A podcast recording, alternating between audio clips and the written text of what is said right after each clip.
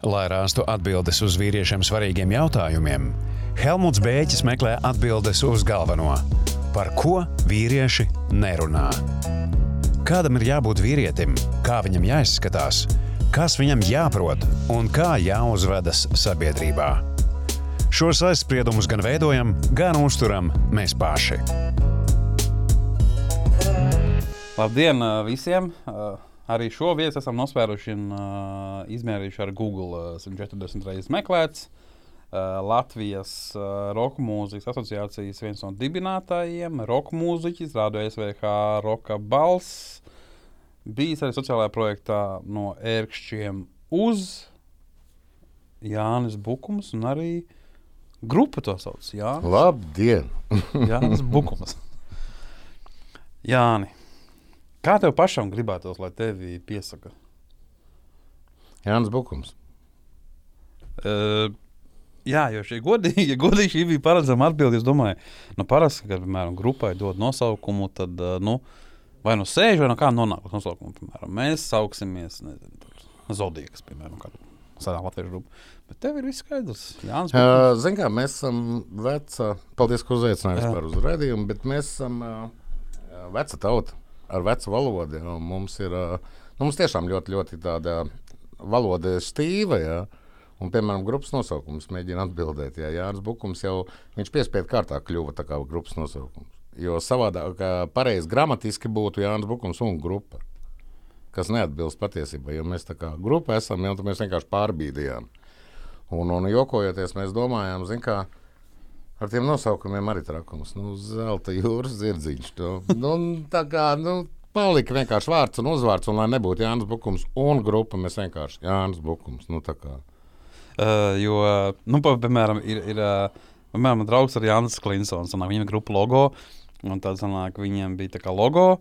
Un viņš bija nogājis no no mūzikas, un tad viņš izdomāja atgriezties mūzikā. Tad ir uh, Klinsons un logo. Nu, jā. Bet, bet tā ir bieži. Un tavā gadījumā tu nevari noiet no zemes, būs Jānis Bukums ar Jānu Bukumu. Nu, bet brīnišķīgi. Tas nozīmē, ka, piemēram, Jānis Bukums ir kaut kas dzīvē gadās, un es izdomāju, piemēram, aiziet uz džāzu. Es tā kā aizēju, un tad Jānis Bukums ir džazā. Ja? Nu, man, nu, man ir labi, nu, man nav tagad jāstāsta, kad Jānis Bukums atkal izveidojis grupu. Es sudrabu jūras zirdziņš, jā, jo zelta jūras zirdziņš vairs nav. nu. Ja tu esi rokā, man liekas, ja pareizi Wikipedia rāda no 89. Nu, es 89. uz, ja nekļūdos, uz Rīgu pārvācos dzīvot un, un, un, un, un, un dabūju pirmo lielo grupu savā mūžā, Monro. Tā grupa saucās. Monro, Monro, es līdz šim nemāku pareizi viņu izrunāt, un, bet uh, muziku es spēlēju agrāk. Es Valmierā spēlēju grupā Vitamīns, Valmieras piena kombinātā, vēl kaudzēju kolhozos. Es tikai bundzinieks biju. Man liekas, tas ir visgrūtākais no visiem, ko darīt. Jo tur ir, kā man viens pazīstams, teica, es saku, es tur neko nesaprotu. Viņš saka, kā nu, ļoti elementāri, jāprot tikai skaitīt, skait līdzi. Nē, tas ir vēl elementārāk. Bundzinieks, kā jeb, bungs, kā jebkurš instruments, ir vienkārši pareizā brīdī jāuzsīt pareizajā vietā. Bet uh, tavs uh, šis, varētu pat teikt, tāds skaidrojums par notiekošo Ukrajinā. Manuprāt, daudziem atvēra acis. Es dalījos arī sociālajos tīklos. Ja tu man liekas, pateici to, ko daudzi grib pateikt, daudzi tā domā, bet kaut kā nevar, tā kā kaunās. Bet tu vienkārši paņēmi telefonu un, un to skaidri pateici, tas ir mans viedoklis. Uh, tas ir drosmīgi. Nē, zinu, kā man baigi uzsīt adrenalīnu. Godīgi runājot, tīri cilvēciski uzsīt adrenalīnu, jo es baigi atcerējos, kaut kā man pilnīgi atnāca 91. gads. Man bija precīzi tās pašas sajūtas, tā, tā milzīgā buķete, ja, kur ir vienlaicīgi bailes, adrenalīns, īsti neziņa, ko darīt. Atkal liela jautājums sev, kur ir jātēlo vecis.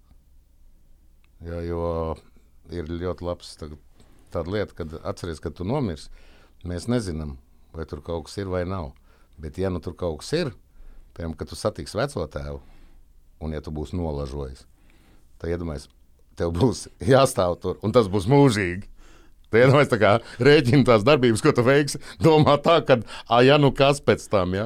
Nu, es domāju, nu, labi, tas ir joks, bet, nu, principā jāpieņem tie lielie lēmumi, jāsaprot, kā tālāk un ko tālāk, ja, jo mums visiem ir ģimenes draugi un viss, ja. Un tev arī īstenībā tā kā jādarbojās tur tā, lai pārējie arī būtu mierīgi.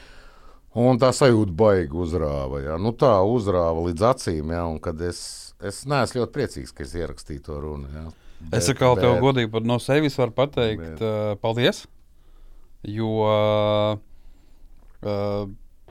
tas varbūt, ka es domāju, kā kaut ko pateikt, vai es domāju, ka vairāk domāju, nu, kā varbūt izteikties, bet skatoties to tavu video, bija tā, ka hops, paņēmu un pateicu.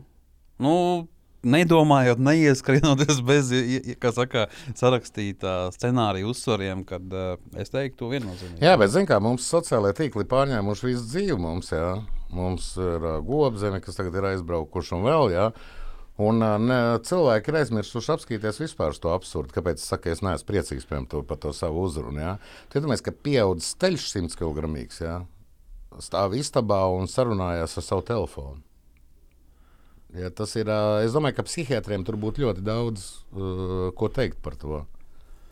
Par pašnovērtējumu, par uzmanības trūkumu. Es domāju, tur būtu vesela buķete, ja, un tie cilvēki, to dara sistemātiski, es principā ieteiktu pārdomāt, ja, jo tas ir, tas ir tāpat kā vēstīt podā.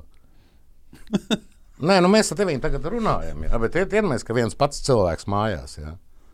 Nu, tas par garīgo veselību īstenībā īsti nenorāda. Un iedomājieties, ka cilvēkiem jābūt ambīcijām, tāpēc es saku, es neesmu sajūsmā par to savu uzrunu. Ja, kā es tagad iznāku un es tā kā mesiju.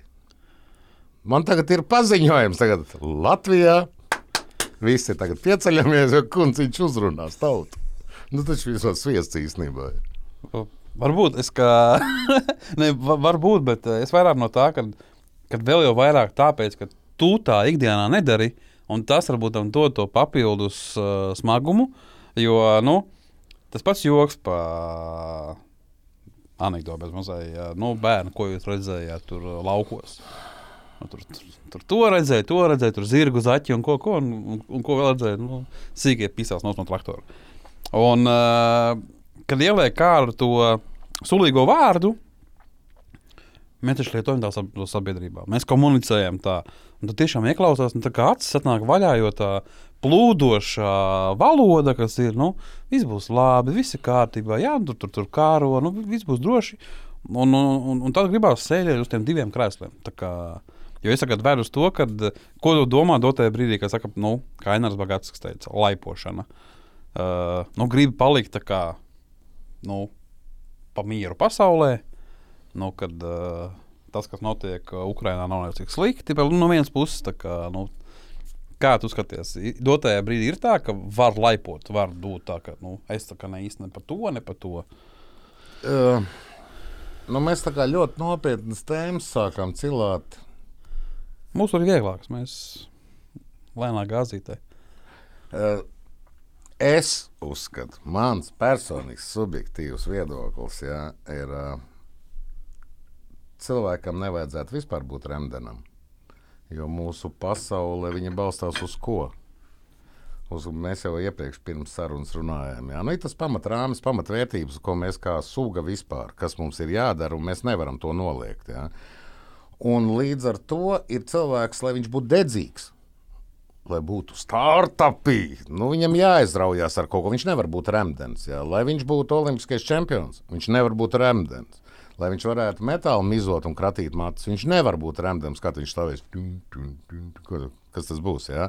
Un tāpēc es domāju, ka mūsdienu pasaulē kaut kā mēģina nedabīgā veidā sabiedrību vispār nokušināt ar to liberālismu, remdenumu un uh, visu to, ka mēs visi tādi esam mīļiņi, cilvēciņi, pasaulī. Tu esi dzirdējis tādu retoriku, ja, kas viss milnāmais formās. Deminutīvos līdzsvarā, jā, jā. Mēs tagad uh, vispār dzīvojam bez atkritumiem, jā, un mēs pīpējam uh, ķīmiskā laboratorijā izveidots pilnīgi dabīgiem materiāliem maikosus.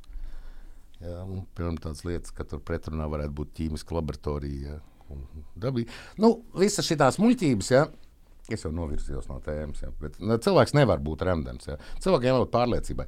Jautājums ir, vai viņam vajag bāzties ar savu pārliecību?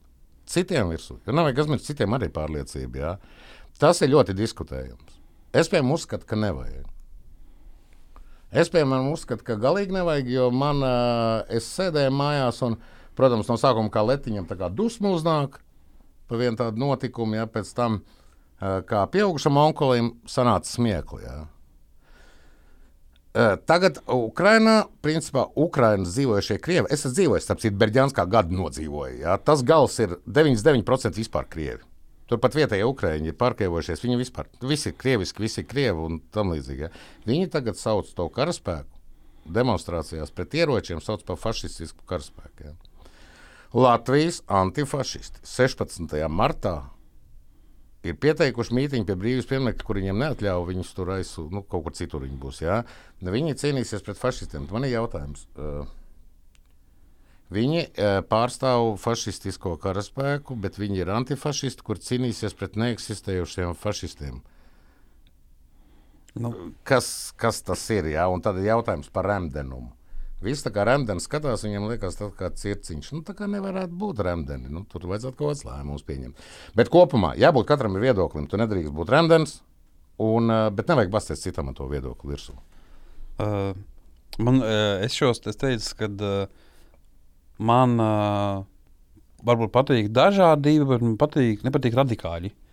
Nu, piemēram, es neesmu pret reliģiju, bet ja man uh, saka, uh, nāks virsū, kad pieņem mūsu ticību, principā tas var darīt piemēram krustneši no vēstures, uh -huh. uh, vai tāpat arī principā jebkuru šādu kustību, piemēram, jau viss šis uh, liberālisms, fašisms un tā tālāk. Un tā tālāk nu, ne, nekas tik liels nevar būt loģisks, ja tur kaut kas labs tomēr tajā visā ir.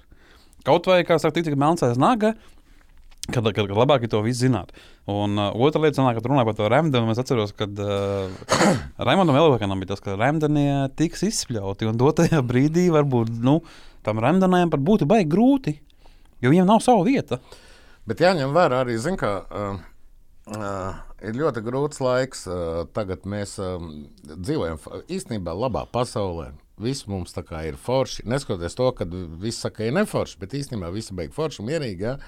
Un, uh, mums jāsaprot, ka arī randenajiem, principā lielajā koplānā, ja tā pa pieaugušo skatās, arī ir ļoti svarīga loma. Tie remdenieki, kas tā kā daļa varbūt tās baidās, daļa varbūt tās grib vienkārši iegūt kaut kādu labumu, daļa nesaprot, kur iet. Ja? Viņi ir uh, pa vidu tā kā eļļa, tā kā tosols, saprot, starp diviem tiem uh, zobratiem. Jo, ja paliks tikai divas tās grupas, Saprot, tur būs divas pretējas pārliecības. Un garām mēs ļoti labi zinām, ka divas pretējas pārliecības mēs esam uh, tādi intelektuāli, tik attīstīts būtnes, ka tas viss ļoti īsā laikā beidzās ļoti slikti. Jā, kad. Uh... Un tāpēc pa vidu tas viņš tā kā nu, tos nu, neļauj tiem zobratiem saskārties. Un, ja arī saskarās, tad viņš ļoti mīkstina to. Ja tas kā, ka, nu, kā, kā cilvēks lielākais zvērs tomēr uz šīs planētas, jo Man kaut kā rezonēja kaut kāda fotografija, kurā ir haizivs un blakus tas maziņš cilvēks. Viņš tur apakšā paraksts, ka lūk, lielākais plēsējs pasaulē. Un jā, blakus viņam haizivs. Uh, bet uh, pirms mēs uh, runājām, tu minēji par to, ka uh, tev bija tāds tā, deja vu savā ziņā, 90. gadiem par notiekošo. Un tad es domāju, ka ir tās, uh, nu, sajūtas, uh, nu, bailes, neziņa. Jo man bija tieši tāpat, un pateikšu godīgi, man pirmā doma bija tāda, nu, jāmūk, kā saka, nu, jāņem. Un tad nākamā doma, kur? Uz kurieni? Un uh, es jau godīgi uh, zvanīju apkārt, kā saka, nu, a, ko tu domā? Ja man bija svarīgi, kā saka, kā dabūt to fādies, vai kā viņi to saka, mūziķim, to, to neitrālo pozīciju. Un tam pateicu, ka, nu, kad Helma galvenais darīja tā, lai tu iekšā neesi, kā saka, nomiris cilvēks, nu, kaut kā bēgot. Un lai tu pats jau varētu visu piedot. Tad es domāju, nu, kur tā es mukšu?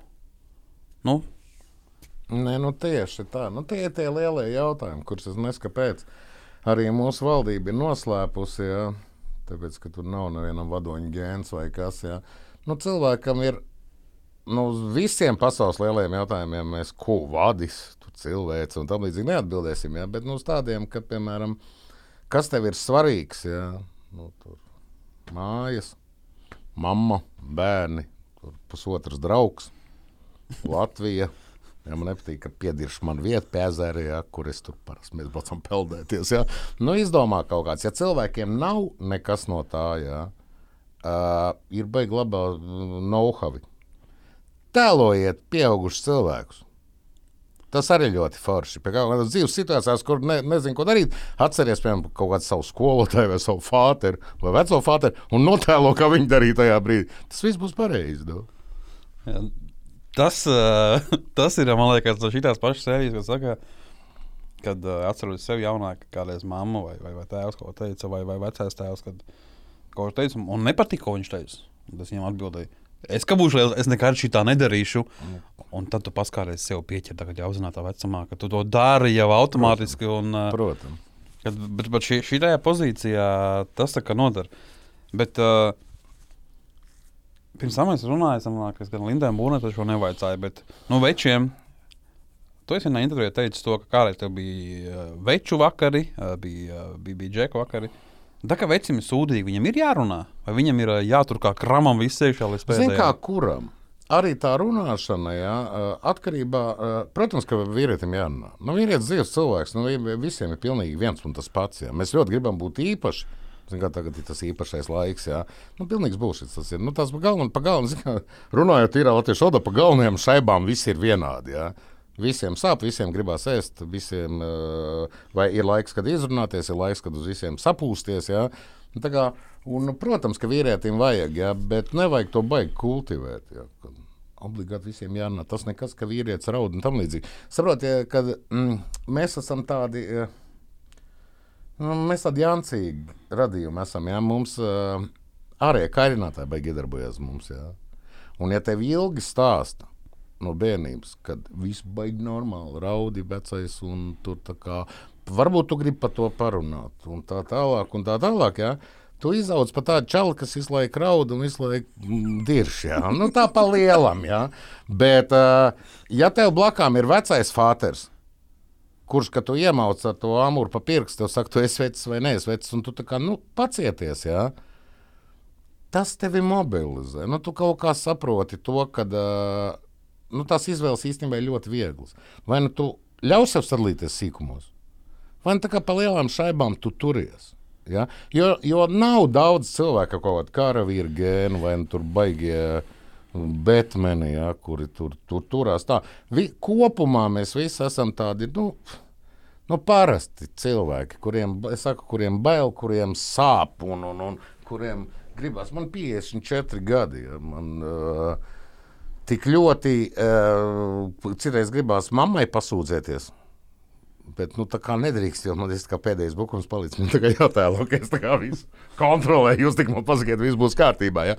Nu, tas ir absolūti normāli, bet nu, ir jātur sev rokās. Un es domāju, ka tās uh, veco laiku stēles, viņas vairāk ir uh, funkcionāls, efektīvākas un pareizākas nekā jauno laiku. Jo es te- kaut vai, kaut vai piemēru iz dzīves, ja, ka uh, tagad pēkšņi Latvijā viss ir šausmīgi pārstraukušies. Ja, nu, pat kaut kāds psihologs, ka tur kaut kāds raksts vai intervijas, ja, kad Tagad ir tāds tā kā matriarchāts, mums vairs nav vīriešu vispār, kas ir noticis, un baigais ārprāts ir noticis. Ja? Bet nu, jūs vairāk pamāciet, lai čaļi runā daudz. Lai čaļi stāstā, ka viņiem tagad ir jāpraud. Viņš tagad, zin kā, zaķim piesienās uz ielas, un viņš saka, bija man tāds raudiens, un tas tālāk tiec pati galā. Ja? Un, un nu, tas tā, nu, kaut kāds, es nezinu, es nemāku tā īsti to pateikt, ja? bet, nu, tu, nu, kā lai to saka, nu. Ziniet, kā ja kaķis čurā čībās, tad kaķītim iedod pa mizu, iebāž degunties čībās, un viņš vairs nečurā čībās. Tas it kā neatbilst visiem tiem standartiem. ne? Bet tā viss dara. Bet, ja tu ar kaķīti no sakuma ved pārunas, pēc tam jūs izrādījāt ar sevi milzīgu sašutumu. Tad jums jau tagad ļoti sākat bažīties, ja tā jau tā uzkrītoši, demonstratīvi. Tad jūs kaķīti aizvedat pie psihologa un darat visas tās darbības, ko tagad dara visa pasaule. Tas nestrādā. Nu, tas tiešām nestrādā. Un tā kā es joprojām aicinu to, ka pieturieties pie tām pamatvērtībām. Ja? Tās pamatvērtības ir pareizas. Protams, arī nevajag pārspīlēt. Nu, nevajag vecim būt un zin, kā, Vajag nocērt roku, vai tas ir blīņš. Es ņemu cigaretes no kafijas, paskatos no rokas. Nu, tā jau tas arī nestrādāja. Es saku, nu, galējības jau nekad nestrādā, bet nu, kopumā, ja nu, vīrietis ir vīrietis, jo kā tad mēs veidosim, piemēram, pašu ģimeni. Ja? Nu, tam onklim jābūt, kurš pasakā, nu, mēs tagad darīsim tā. Jo nevienmēr ir tikai uh, toršu ēšanas mājās, un ir kaut kādas nu, situācijas. Ja? Mēs tagad darīsim tā, un, un, un, un sievietei un bērniem ir vieglāk, tāpēc ka viņiem ir nu, tas aizstāvis, tāda drošības sajūta. Ja? Sieviete atkal veic savas funkcijas. Ja? Tāpēc jau arī pat nosaukumi ir izdomāti senos laikos - vīrietis, sieviete, bērns. A kā tev ir, piemēram, ja mēs uh, paņemam no otras puses, uh, ir kaut kādos mājās darbi, sieviešu darbi, vīriešu darbi? Ar štampoktu to es, piemēram, nedaru.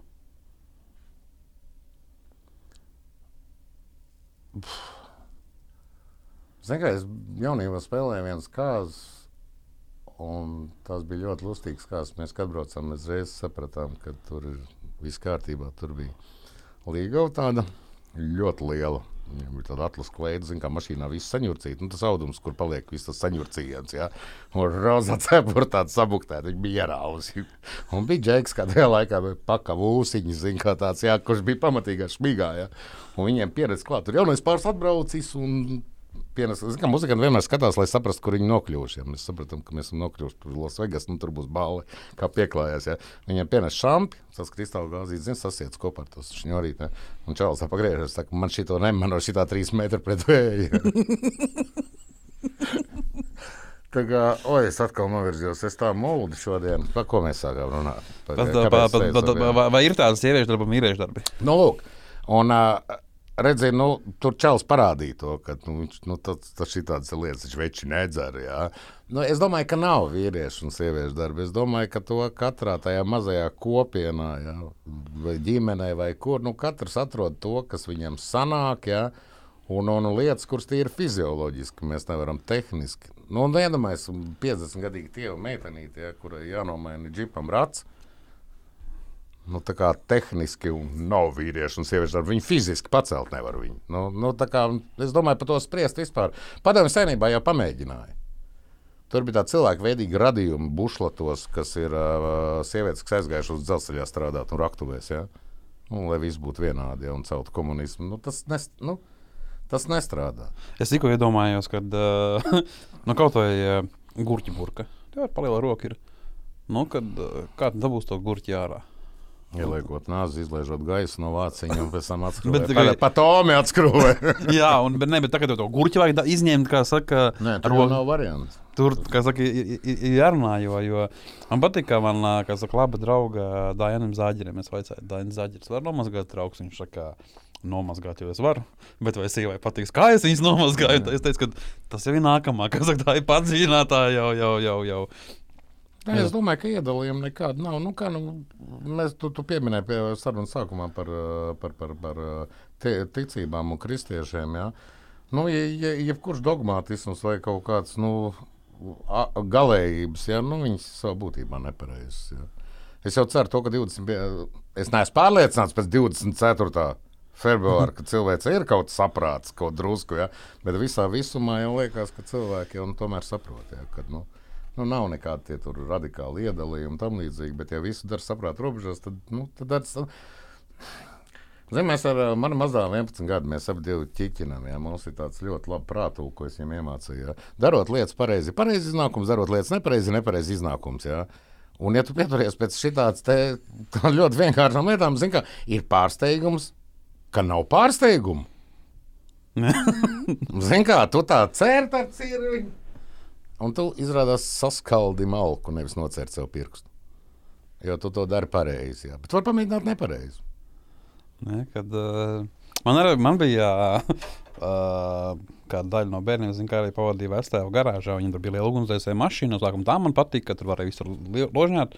Un tad tie āmuri un kā reiz izšķīrās daudz, daudzīšanas. Un, un tad bija gan par to pirkstu trāpīšanu, un tad bija tā, ka uh, gribējās sapīt kopā kaut ko. To, to āmuru. Tad es saku, Vestēļiem saka, ka kā, nu, ir tāds dziesmas, zin, kā ar stibiņu par rībiņu. Es saku, ko tam mm -hmm. āzītim ar āmuru klopēja. O, no, no, no, no, no. šeit ir kā, ka, ka var ar stībiņu klopēt, nu, var arī ar āmuru, zin, kā tam kazlēnam vai kam tur, kam tur sadot. Bet uh, tu runāji, piemēram, kas ir kaut kādas tādas lietas, kas uh, nu, tiešām nav vīrišķīgi. Kaut kādas darbības, ko var vīrietis darīt, kas, kas, kas, tas nav vīrišķīgi, tavuprāt. Tu saproti, ka tu esi provokators. ne? Es to Savā, daru. savā būtībā. es to- savā būtībā. Jā, es to daru katru, katru reizi, jo man interesē tieši saka, tavas, tavas domas šajā. Zini, kā es pirms tam jau teicu, nu, nu, nav, nav, nu, nav vīrišķīgi un sievišķīgi un tam līdzīgi. Nu, kaut kā, nu, visiem pasaulē tās lietas ir saprotamas. Nu, es, ne, es nezinu. Nu.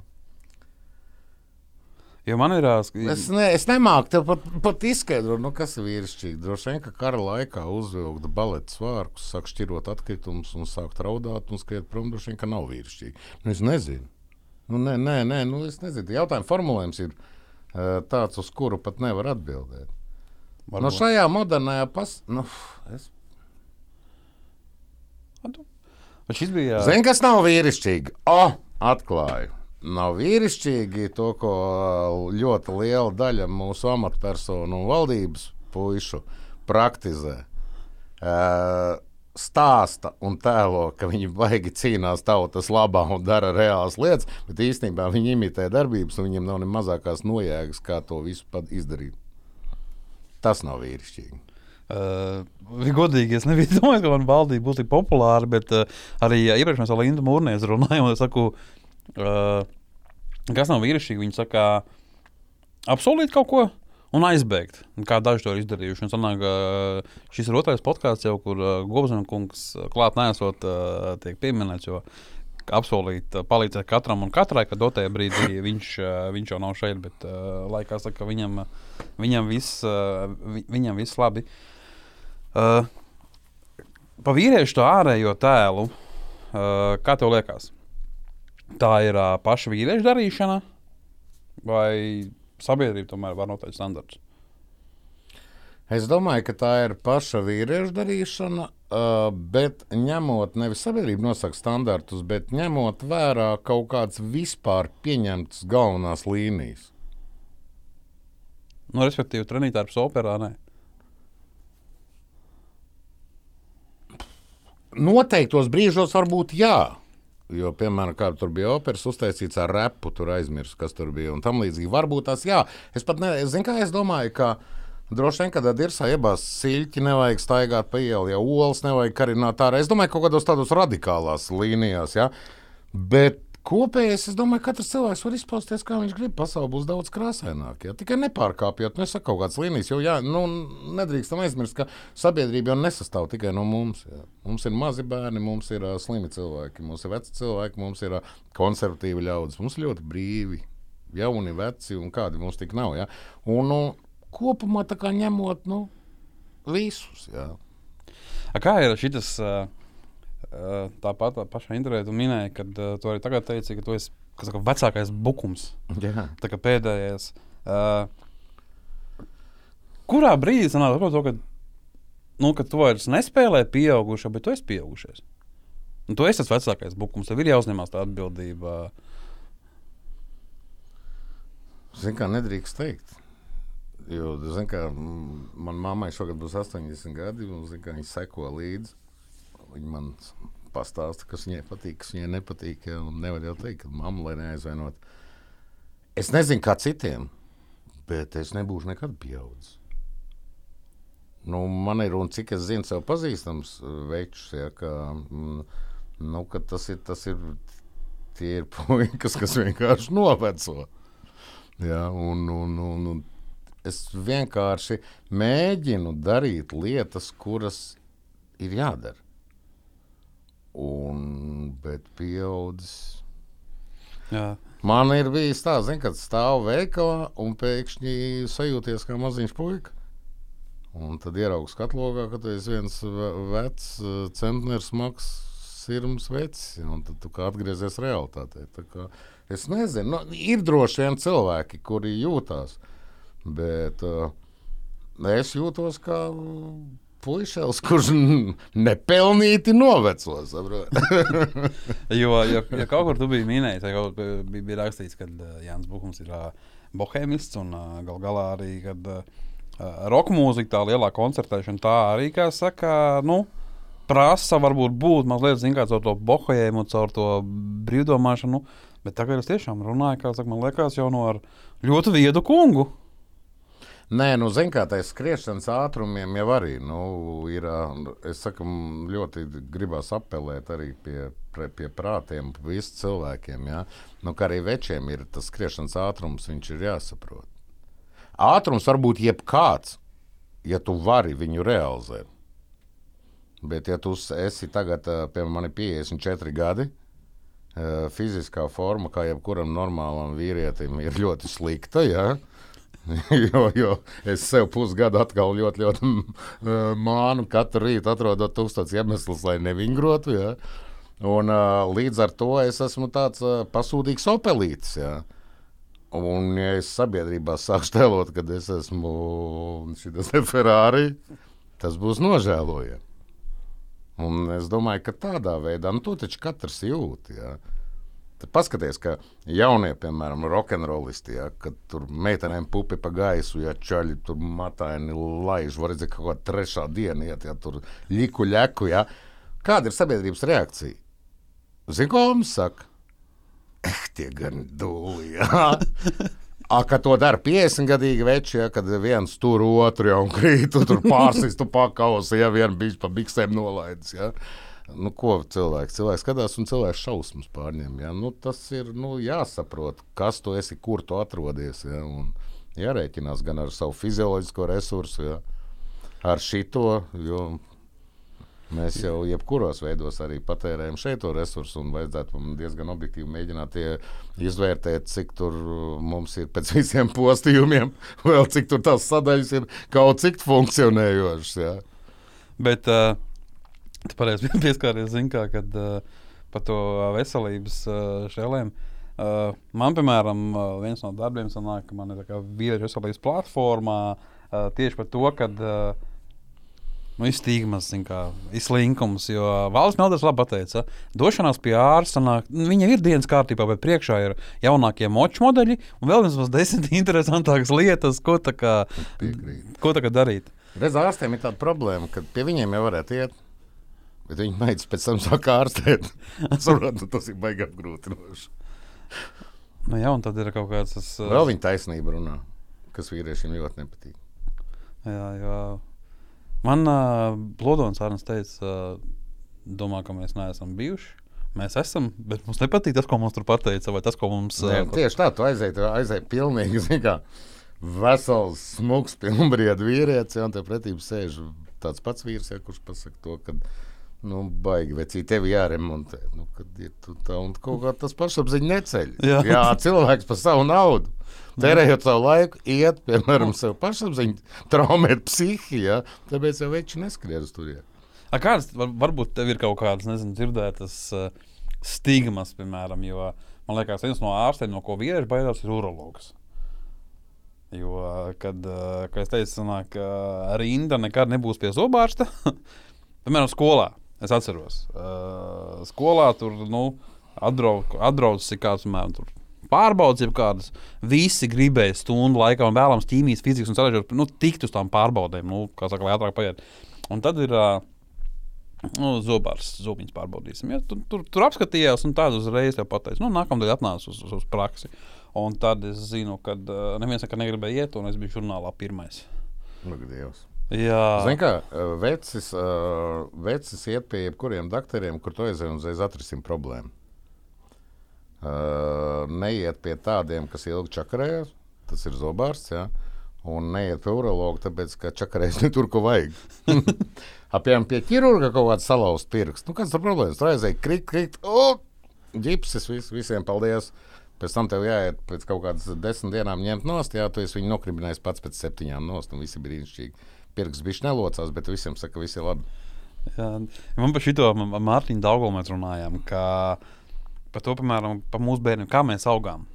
Kad uh, visi esam veseli, visi esam izauguši un viss ir normāli. Un tajā pašā laikā katrā kaut kādā mazā ciemā vai miestā kāds zina vienu, kuram zin, kā aptuveni ir ar kaķenāts izšauta. Kādam ir bijusi kaut kāda šausmīga trauma, bet procentuāli lielākā daļa Izdzīvo. jau visi esam, esam izdzīvojuši. Un tam man arī man ir tas labs draugs, kurš saka, Helmut, nu kā? Mēs taču tā kā tādi vaisalnieki dzīvojam tajā savā miestā, jo kā mums no rīta izlaid ārā, Mm -hmm. tad vakarā mamma zina, sasauca tur, nu, pēc vārdiem, nu, kur sauc. Mm -hmm. Kad, uh, kā tu uz to skaties? Sanāk, mēs esam varbūt tāpēc uh, ražošāki, kad uh, dotajā brīdī kā mēs nu, drausmīgi tiekam kā burkā audzēti. Nu, tā kā nu, jaunā paudze un iep, iepriekš, kā tev liekas, kāpēc tā domāšana, tas viss liberāls. man atkal būs filozofēšana. Vajag. Uh, viss tas liberālisms jau ko tu pie- pieminēji. Ja, un viss tas, kā teikt, uh, pa, uh, es nezinu, kāpēc. Es nezinu, tur droši vien kaut kāds ļoti gudrs galvas taisa kaut kādu daudz līmeņu programmu, kur viņi grib aizvest, visu pārvērst mūs par kaut kādiem, es nezinu, biorobotiem, ja, kas ir lietotājiem, vai nu, nezinu, kāds ir plāns. Bet uh, pasaule un sabiedrība nevar izvairīties no pamata uzstādījumiem. Saka, atgriežos pie tā, kā es teicu, mēs esam suga. Mums vajag ēst, mums ir augsts, mums ir karsts, mēs slimojam, mēs apmeklējam toaleti, ja mums ir rokas kājas, mēs pārvietojamies tādā veidā, mums vajag gaisu. Un uh, vēl entās lietas, kas nosaka vispār, kā mēs darbojamies. Kā, kaut kā bioroboti, ja, kā mēs funkcionējam. Un tagad šobrīd tā demagoģija tā visaugstākajos līmeņos un vispār pasaulē ir tāda, ja, ka tā mēģina to jaunatni un sabiedrību, tā kā, lai viņi izvairās tā kā, no tām lietām, ar ko parasti būtu jāsaskarās dzīvē. Bet es esmu novērojis tādu paradoksu. Nezinu, cik tur ir taisnība, ja, bet jo vairāk mēs izvairamies, jo mēs to kotleti dabūjam atpakaļ daudz dažādos citos veidos un bieži vien smagāk. Jo paskatieties, bērni tagad tiek ļoti sargāti. Ja, mājās pie datoriem it kā sēž un tam līdzīgi. Ja, bet, piemēram, tāds traumatisms, kā ir ar šiem skūteriem. Ja, jo tas skūteris ar to mazo ritentiņu ja, izrādās, ka visi kritieni ir tādi, kad ar, ā, ar seju un ar galvu ir asfaltā. Viņam nav īsti citu variantu. Ja. Tāds traumatisms nekad nebija mūsu jaunībā ar velosipēdiem vai ko, ko tieši tāds tik, tik, tik, ar tik lielām sekām. Ja. Tālāk, ā, tā riteņu pie masveidība. Es tagad nenoliedzu, es skūtos Jā, jā, riteņus, es kā piemēru, ja, pa pilsētu maļoties. Mēs parasti nebraucām uz lielajām ielām, pilsētas centrā. Mēs laidām kaut kur pa pusmežiņiem. Ja? Līdz ar to tur arī ja? Ir viss tas pats, tikai vēl, vēl briesmīgākos veidos. Ja? Es pats godīgi redzējis, vienreiz dzīvē, kā ir, kad ar riteni atrodas cilvēku. Un tas notiek kaut kāda meitra no manis, un uh, man var izlāpt izlāp viedierīce. Jā, atnāca zīme, man bija jāapstājās un no saules jāvairās. Un tiešām atrodas viena sieviete. Un, un, un, un tad bija tā, ka. Uh, nu, Atcerējies fizikas stundu? Nu, tur vienkārši bija kaut kas šausmīgs. Uh, vienkārši vaiprāts, kad uh, negribās pat zināt, kas ir mašīna noturēts, ka tur pa, kājas pa gaisu un ritenis pa gaisu, abi divi tur vārtās pa zemi. Bet, kad tas jau ka piecēlās, likās, ka viņi nav noturēti, viņi, kā viņi saka, nospārdīti ar kājām, un viss, kas saka, seja lupatās, telefons lupatās. Un, un, un šis ir tas, sanāk, un, nav- un nav šausmīgākais, lai beigts stāsts, ir tas, kad Čāls pieceļās un viņš saka, es taču paspēju zaļajā iebraukt. Un skaties uz viņu, sanāk, gan tu esi dumjš, kā tu tikko, kā es cilvēku nositi. Bet uh, šitā es tev varu piekrist, jo mums bija, zini, kas viens no traumatiskākajiem, mums bija tāda spēle čiģis, kur tāda liela koku, sit tādu mazāku koku. Un, tā, protams, kad jo mēs augām lielāki, kuram bija spēks vairāk, tas, tas koks nevienmēr sanāca noķert, ka viņš varēja trāpīt gan pa pieri, gan pa pirkstiem, un, kā saka, visiem pirkstu līki. Tas tāds, bet salīdzinoši ar, saka, asfalta eksēmu dabūt krītot ar Jo kā veidojas pieredze? Nu, mēs bez pieredzes nevaram. Nu, mēs gūstam dzīves laikā pieredzi, ja? un, un, un, un tas mūs veido kā personību, un tad notiek vispār tā kustība, un evolūcija un attīstība. Ja? Kā mēs iegūstam? Mēs iegūstam ā, 99,99 no personiskās pieredzes. Jo, jo bērni neklausa, ko viņiem stāsta. Bērni ļoti bieži kopē. Jā, kopē viņa nelabākos piemērus. Jā. Mēs iegūstam no savas pieredzes. Līdz ar to kaut kādi sapņi vai kaut kāda tukša muldēšana jā, ā, par to, ka var izdarīt tā, ka kāda paudze no tā izvairās. Jā. Nevar. Jo es vēlreiz atgriežos, ka mēs esam tie tādi paši tās, tā suga, un mēs dzīvojam tajā vidē, kur principā tie riski un tā dzīve un pieredzes gūšanas tie mehānismi ir vieni tie paši. Un principā tā paudze iegūst. Tikai jautājums ir, jo vairāk mēs atliekam to pasaules apzināšanu caur to sāpīgo punktu. Ja? Jo uh, satikšanās ar pasauli tam jaunajam cilvēkam ir briesmīgāk. Jo, ja viņš nav izgājis cauri tam elas dzirdamām, kur gan kāds ir aizgājis bojā, gan sakropļojies vai ko, ja, viņš 18 gados ar Bembi nodos uz 200 Rīgas, pa Rīgas centru pa sarkanajiem. Jo pieredze te nebūs. Saproti, ar zināšanu, kas ir smieklīgs un sekas, un visu to salikt kopā 18 gados ir ļoti grūti. Cevišķi, ja tu vēl esi iedzēris drusku. Ja? O, jā, kad, uh, Un es domāju, ka, uh, ja turpināsies šis uh, nu, masveida siltumnīcas veids, ja, kurš jau starp citu izgāzās skolās, ja, ka principā tur 16 gadīgs teiks, var iemaukt sievietei skolotājai. Ja. Un, un es domāju, ka uh, nu, vien, būs mācība. Tā ir paudzē, ja, es neesmu pārliecināts, vai vajag tādu eksperimentu taisīt, jo tā mācība būs ļoti, ļoti smaga. man liekas, domāju par to, ka es par tiem, kas saka, aizstāvot vīriešus, arī viens no piemēram, jo, jo man ir bieži tas jautājums tāds, kad, uh, kur, kur viņi mums rodās, jo, principā, 18 gados viņiem jau jābūt jau pārākajam jau, jau, jau vecim, ar visām šīm uh, supervērtībām, kas saka, īpašībām, vērtībām, kas ir uh, atkarībā no, no, no, no virziena. Jo nu, sākumā ir no tā fiziskās veselības. Nu, veselības mācības skolās nav. Tagad ir sanācis to, ja zinot, cik liels tas uh, šķirto ģimeņu skaits, man, kur mm -hmm. māmas audzē viens, ja, nu, pirts arī mums nav. Tad tas ir numurs viens, un, un kur lai viņš uh, iegūst tās, tās vīrišķās vērtības, tās vīrišķās īpašības. Jo 18 gados viņš ir pilngadīgs, viņam jau ir principā jāatbild par saviem soļiem, gājieniem. Nu, uh, tas es runāju, piemēram, par viesuru rudzīti, uh, kas saka, nevien, kas saka, neviennozīmīgi vērtē to. Viņš man liekas, tāda super frāze, ka vīrieša superpowers veidojās tad, ja tiešām sakrīt, ka ir vecais tēvs, tēvs un viņš. Tad veidojās tā, tā diagonāli, kas tā automātiski saliekās. Veidojās tas, tas, tas, tas kods, tā, tā, tā vīrieša, kas uh, piektais balss, kas palīdz automātiski. Jo, nu, tur redzat, piemēram, kāda, kāda ir vecais tēvs, ko dara tēvs, un zemapziņā tas smadzenes jau tā kā. Protams, pilnīgi piekrītu. Uh, ja man pašam, piemēram, uh, Uh, varbūt uh, man audzēkājs audzēja, audzināja, un uh, vecais tēvs arī man nebija varbūt, kā, nu, nosacīts kā, pa asins līniju. Bet man audz, nu, abi divi man ir tie lielie vīrieši, kas mani veidojuši. Un, un tā es vienkārši domāju, kā man besīja malku krāmēt. Bet es krāpēju tieši tāpat tā kā augstākais. Jo nu, tā, kad nu, malka jau ir grūti žūt, jo viss ir mm. salikts tā, tā kā Lego, Lego klucīši, vai kad arī vecais tēvs bija tāds uh, sīkums un principiāls. Bet viņam tā arī viņam bija radošais bardaks. Un tie viņi tajā milzīgajā garāžā, viņš esmu janvārī aizgāja. Viņam bija tā, ka nu, iedod man to un to instrumentu. Viņš iet pie tādas milzīgas kaudzes. Tas jau nav bardaks. Radošā kārtība. Tā ir kārtība. Jā, jā un viņš kā iedod. Un es tur staigāju, zinu, apkārt tur, tur, tur nezinu, 15 minūtes. Nu, tāds un šitāds. Bet es tā, tā kā, tā kā, tā kā atkāpēju par to, par to vīrieti jauno. Nu, kā tev liekas, kas trūkst mūsu jaunajai, piemēram, kur lai rūdās? Kur lai rūdās, kā saka, jaunais čalis? Tu ļoti labi piezīmē. Zini, kā ir tiešām ir ļoti daudz šīs ģimenes, tāpēc ka visu laiku tiek dzīta tā zos, ja, kad uh, tur viss ir vienādi, kad uh, tagad mums ģimenes būs, ja, kad es varu apprecēties ar tabureti. Ja. Un, nu, viņš tās, nu, viņš tās muļķības, kas tagad rindā ir, ja, tas jau baigi degradē kopumā. Mēs jau zaudējam. To zaudējam absolūtos cilvēkus. Ja vajadzīgs ir tāda ģimenes mācības tiem, kuriem vajadzīgs, ir vajadzīgs tās aizsardzības mācības. Ja.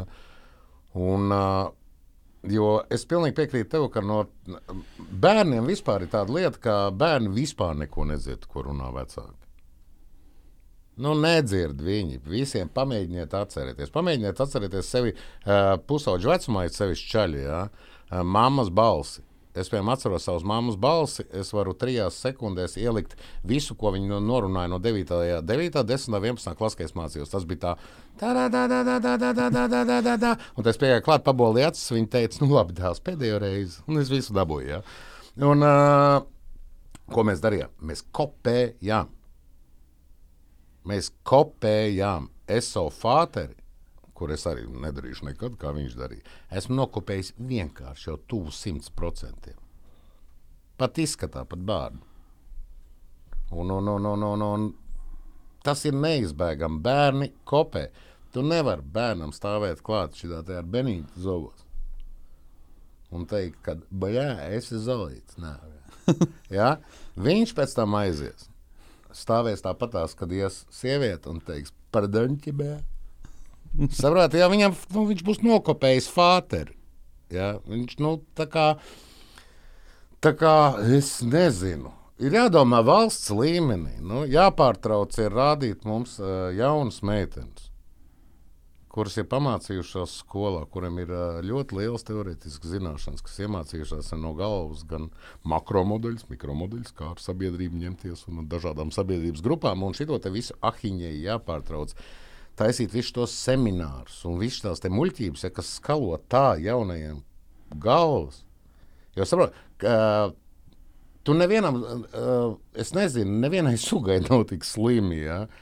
Kad, kā var mācīt cilvēks, kurš neko neēdz? Grupu tādus pašus cilvēkus. Es vismaz vēl pieļautu, ka būtu praktiskā pieredze. Bet nav. Es varu izstāstīt, piemēram, saistībā ar, ar, ar, ar sporta veidiem, kā alkoholisms un narkomānija. Mm -hmm. Es kādreiz biju profesionāls sportists. Ja, man ir um, vide tāda, kur ļoti daudz man draugu, paziņu, ja, bija aktīvajā sportā. Ja. Daži ir aizgājuši bojā, jeb kā saka, sadeguši darbā. Ja. Un, uh, puse no narkoloģijas kabinetiem un visām tām palīdzības iestādēm tie ir jauni zaķi, kuram tu sēdi pretī un sēž tas cilvēciņš. Viņš vispār nesaprot, ko viņš runā. Un saprotu, ka es pat intonatīvi varu apmēram notēlot, ka tā neformālāk paprast, no kā jums ar to sportu. No, es jau varu šādi tad mēdz iedzert kādu glāzi. Jā, tu sēdi vienkārši domāji, es to nomiršu. Ja? Un alkoholiķi var izārstēt, kas? Ka tev pretīm sēž vecis, kur jūs pat varat satikties. Zin tā, katru trešdienu satiekamies un nerunājam. Jo es redzu, ka pretī ir tas vecis, ka mums nav ko runāt. Mēs abi visu zinām. Nu, ja. Mums tagad jāizdomā veids, kā izdarīt tā, lai es tagad nu, visu laiku nesaskrietos ar alkoholu. Ja? Tā tam ir jānotiek. Nevar. Tāpēc pazūd, tāpēc, kā, tāpēc mums nav panākumu. Tāpēc mums nav panākumu arī valsts līmenī um, krīzes menedžmentā. Mums iznāk kaut kā ceļš un stāsta, kā būtu, ja būtu. Nu, nav, nav tāda. Man patīk tas, ko tu minēji par profesionālu sportu. Kā saka, alkoholismā. Bet Raimons Elbekens, mēs zinām, ka viņš daudz, mainījis daudz skolas, un arī un viņš teica, viņš aizgājis uz skolu, viņš saka, un es ieeju klasē. Viņš saka, nu, tur ir 15 tādu Raimonda Elbekena. Viņš saka, kurš būs tas, piemēram, superpedagogs, kurš tagad tiks ar viņiem uh, visiem galā. Un, Un, un, un šeit arī ir par to, par to piemēru. Es domāju, ka tas var būt viens no argumentiem, kāpēc tevi varbūt ņēma šajā, šajā sociālajā projektā nu, no iekšiem uz. Jo tu zini, kā nu, tu esi tu saki, to dzīves, to rupmaizi, nu, tu to paēdis. Jo es arī zinu, kas ir paģiras, es arī zinu, kas ir, piemēram, kad ir divas dienas, kā saka, jāpasporto vai pat, pat trīs dienas. Un, un, Kad, ka, ka, ka, ka, ka, ka viss tas kopā tas nav, varbūt, nu, nav aizgājis tik, tik tālu, bet, bet, bet kad bez tās savas pieredzes ir grūti kādam nu, pateikt, nu, ko darīt. Nu, īstenībā ļoti daudz. Daudz, daudz kļūdas mēs varētu bezgalīgi runāt. Ja, kad mums, es saku, viss krīzes menedžments jau ir kaut kādas palīdzības vai kaut kas tamlīdzīgs, vienkārši tiek ņemti cilvēki no malas, kuriem nav ne mazākā nojāja, kā tas viss darbojas. Ja, tiek, tiek deklamēti kaut kādi no interneta vai no skolām, kur mācījušies kaut kādas pilnīgi rindkopām. Ja. Kaut kas, kā, kā vajadzētu būt un kā būtu, ja būtu, ja, bet tas jau īsti nestrādā strādā, un pie tam jaunieši, viņi ar, ar, ar, ar, ar, viņi ar muguras smadzenēm jūt, kad piemēram, cilvēks nezina, par ko viņš runā, vai nu, tā to saucamo falšu. Viņiem ir ļoti brīnišķīgi tie cilvēki, bet viņi nesaprot, ka tas ir tik ārkārtīgi neefektīvi. Tāds Elbekians aiziet. To, ka tie 15 čaļi tāpat zīmējās, tas mm. ir cits stāsts. Bet katrs otrais vārds, ko viņš saka, viņiem paliek sirdī. Tāpēc, viņi redz, ka Elbekjans ir tāds pats džeks kā viņi. Saprotiet? Nu, jā, ka... nu, mums bija līdzīgi. Es teikšu, ka, piemēram, no skolas atcerējos, kad atbraucu uz manu vidusskolu. Uh, stāstīja, čālis pa, uh, pa, pa, pa elektrību kaut ko. Pa, pa elektrības stābiem, pa to kādreiz viņš viņus kā, saka, demolējis, un tagad viņš kā, strādā tajā visā. Likās stulbākā brīvstunda, kāda vispār ir bijusi. Nākamajā gadā atbrauc viens no savējiem, kas arī strādāja tajā visā. Un, viena no interesantākajām. Kā viņš stāsta, viņš saka, zina to stāvu tur un tur, un visi to zina. Viņš saka, kā es domāju, kas tos kupols. Viņš saka, es biju tā atšaus roku, kad uh, varēja trāpīt. Un, un, un zināt, kā ir ķēdi uzmet un izstāsta stāstu. Un, ja pirms tam tev varbūt pat interesēja, kā to ķēdi uzmest, tad, ah, nē, es to zinu, jo nu, šis, uh mhm. -huh. saka, savējais to izdara. Bet uh, tas, ko mēs runājam, kad, uh, nu, tu cēlies dārgi, tu esi teicis to, ka uh, ilgu laiku domāju par daudziem projektiem, un tad vienā brīdī sāk viss kopā realizēt. Uh, kas ir tas, kas katru rītu Jānis Bukumam jāceļās, jāiet, jādara? Pirmkārt, pārsteigums, ka es pieceļos. Tas jau vien norāda, ka kaut kas būs jādara. Jā. Tu varētu teikt, tā ir vilšanās, tu kā pamosies, saproti, ka atkal kaut kas jādara. Nē, nu sāc darīt. Es, piemēram, uzskatu, bet tas arī viss, ko es te saku, tas ir subjektīvi. Pilnīgi, jā. Es uzskatu, ka disciplīna. No disciplīna ir tā lieta, kas ir man ir salikts plāniem. Es no, no, no rīta uh, dzeru kafijas, noteikti daudzumu, lasu noteikti daudzumu angļu grāmatu. Tā kā bija vairāk spēku, vingroja, tagad pusgadu sev meloju. Jā, jau baigi tur kaut ko. Es aizmirsu kaut ko. Ah, es biju slims. Ah, jā, bija slims, un tam tā rehabilitācija ievilkusies. Ir, jā.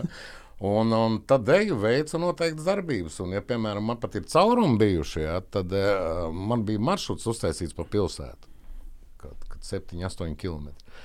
Un, un, un, un, un, kur es spētu arhitektūru, arhitektūru filozofēju, un tad noteiktās vietās, piemēram, siltā laikā sēdēju uz soliņa un pierakstīju, un tad, vai kaut kāds teksts, vai kaut kāds plāns, vai kaut ko. Nu, ja cilvēks izdomā sev, nu kā, nu nav jau jēgas dzīvēm. Nu, nav to lielo šaibu, kāpēc mēs dzīvojam. Jā, tur viss lielais. Mums ir misija, nezūdamība, enerģijas nezūdamības likums. Jā. Mūsu dvēseles pārāk, nu, beigas beig skaisti ir. Nu, nav.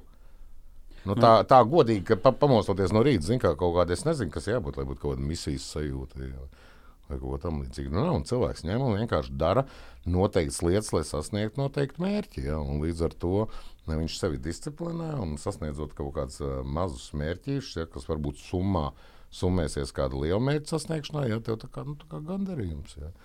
Ar gadiem droši vien vēl arī ievilkt kaut kādu patmīlību ķeksītu. Zin, kā es tā kā, oh, es čalis, jā. jā malac, malac puika. uh, Zini, kas nevajadzēja? Tu esi bijis armijā? Nē. Es esmu no Valmieras. Valmieras muzikanti negāja armijā. Ah, šis, man, šis ir godīgi. Ir uh, Grāvers, mucinieks, krēsla. Tie ir bijuši vecāki čaļi. Tur bija, mums bija tik daudz pamācību. Un...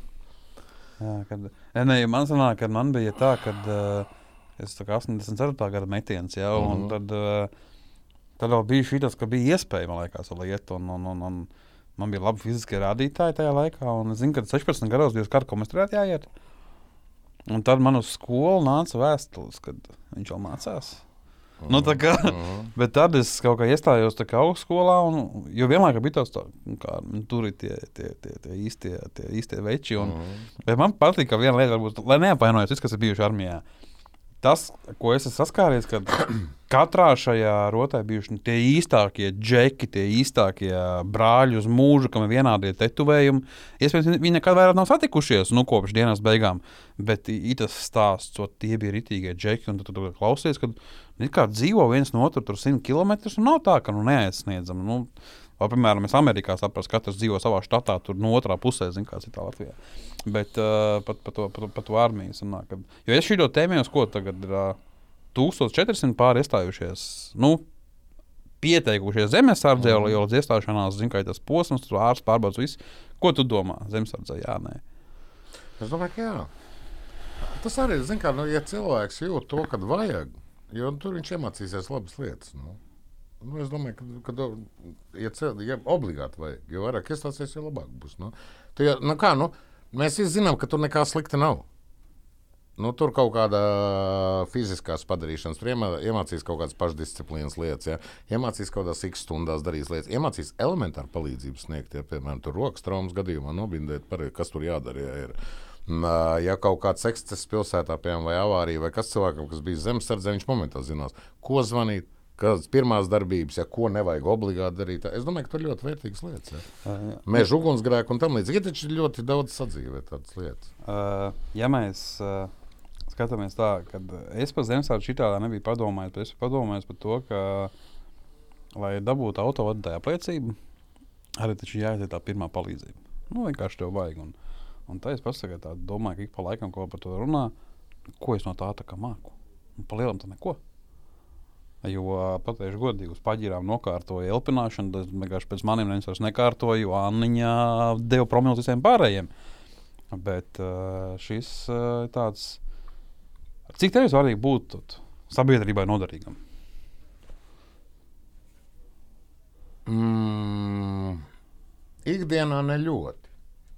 Nu, tā kā visiem. Nu, mēs jau nedomājam tik lielās kategorijās. Mēs tomēr esam diezgan egoistisks un sautīgs būtnes. Jā. Bet kaut kādās lielajās lietās uh, uz vecumu sāk parādīties kaut kādas. Tādas tikai, zināmā mērā, baigi baili ir tik līdz tev nākt, nu, kaut kādā padomā tādu lielāku lietiņu, ja, ka es varētu piemēram izdarīt to, lai mums visiem kaut kas, ja, tu jūti, ka fonā uzreiz ierunājās, tur mesijas balss atskan, ja, un tur tādas te jau, un tās ir baigi nepatīkamās, zin kā, jo vīriešiem vispār nepatīk tās atklās, atklāsums, ja, piemēram, kad nu, es baidos, jā. Es baigi gribu darīt ļoti labu, bet neskapēc es domāju, cik tur liela alga varētu būt. Jā. No, nu, visās tās lietas, jā, jo vīrieši parasti tos baigi mēģina noērēt, jā. Bet kopumā kaut kādās svarīgās lietās, mm, Zin, kā, teiksim tā, es vairāk to formulēju, ka es gribētu izdarīt, un zinu, ka teorētiski tas nesīs labumu arī sabiedrībai. Es, bet ā, prioritāte to, ka es izdarīšu, un es zinu, ka būs arī kaut kāds nu, blakus efekts kā sabiedrībai, bet tā, ka es noliktu, kad es no rīta pieceļos un tagad es tautai nesīšu gaismu. Visu, ne, tā, es, es, nu, es domāju, ka Zin, kā, nevar, jūs jau, ja jūs paši paturētu mājās un, piemēram, klusām dušā skatītos šo ierakstu, te varētu pateikt, ja, bet radīsiet cilvēkiem. Ja. Es domāju, ka tas ir tāds, nu, ja tu mosties ar domu, ka tu palīdzēsi tautai un uh, sabiedrībai un glābsi un kaut ko vēl darīs, ka tev nav īsti pilns rublis. Es jau godīgi par tevi kaut kā pilnībā piekrītu, tāpēc, ka uh, tā, tā, man vispār Latvijā, pat labi, es, es pats darbojos nevalstiskajā sektorā un uh, pacientu organizācijā un viss, bet manuprāt, es nezinu, kā ir citās valstīs, bet mums ir, teikšu, ir sačakarēta gan tā ziedošanas kultūra, gan uzskats par to sabiedrisko labumu, gan saudabīgs uzskats par labdarību un brīvprātību. Jo nereti ir bijis tāds, ka pat gribot darīt ko labu tiešām. Uh, kaut kā nākamajā reizē, kad to darīji no tevis, uzskata, ka, ka tu esi kaut ko parādā, ka tev tas ir jādara, jo tu jau vienreiz izdarīji, vai tajā pašā laikā, ka, piemēram, labdarība, piemēram, par to saņem kaut kādu atalgojumu. Nu kā, un tas ir, ka jūs runājat, labdarība nav brīvprātīga. Mums, piemēram, ir tās labdarības organizācijas, labdarības projekti. Un nedrīkstam runāt tur par naudu, bet tur ir nauda. Tas, tā, tā, tas ir tieši tāds pats darbs. Un šis man tā kā. Kā mēs nedrīkstam runāt par naudu? Kā mē, mēs nedrīkstam runāt par mehānismu, kurš ir izveidots, lai uzģenerētu naudu.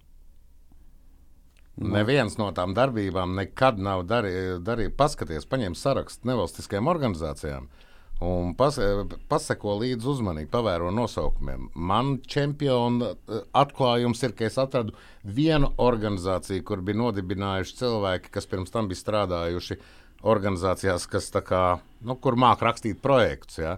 Kur bija vispār tajā gadā lielākā uh, finansējuma pieejama nosaukums. Bija. Biedrības nosaukumā bija tur, kur var dabūt naudu, tas nosaukums. Paskaties, ko nodarbojas nevalstiskās organizācijas. Būsim objektīvi. Es zinu, ka ir vi vispārinājumi. Ja? Es nevispārinu uz visiem. Kad es saku, ar ko nodarbojas organizācijas, es domāju, daļa no organizācijas. Jā, tas ir normāli.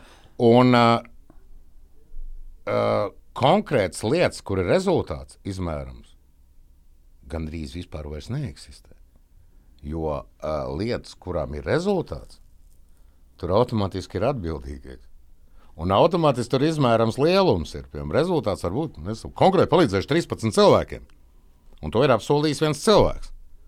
Tātad, ja tas nav izdarīts, tad tam cilvēkam ir hrjukt un viss. Un paskatieties, kas tagad ir. Mēs nodrošinām ilgspējību, zaļu, pilsoniskās sabiedrības integrāciju demokrātiskos procesos.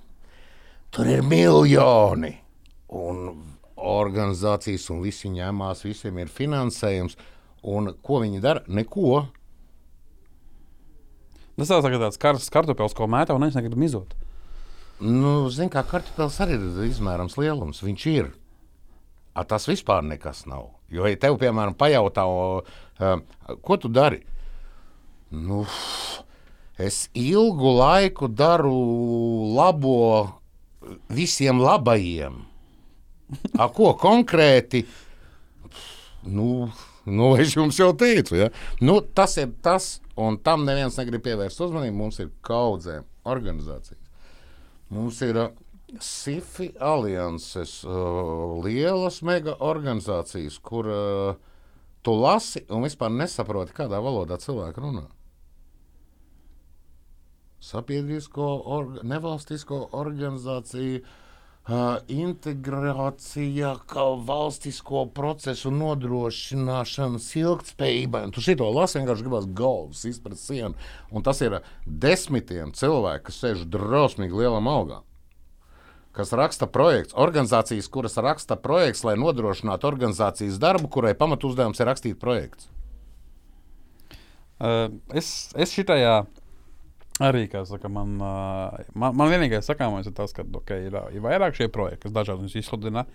Uh, man vairāk interesē, kas ir tie veiksminieki, tie, tie gudrinieki, kas sēž tajos projektu izvērtēšanās, kādi ir viņu sasniegumi, kā viņi var kaut ko izvērtēt. Jo, piemēram, uh, NVO piemēram, projekts rakstīsiet jūs kā biedrība.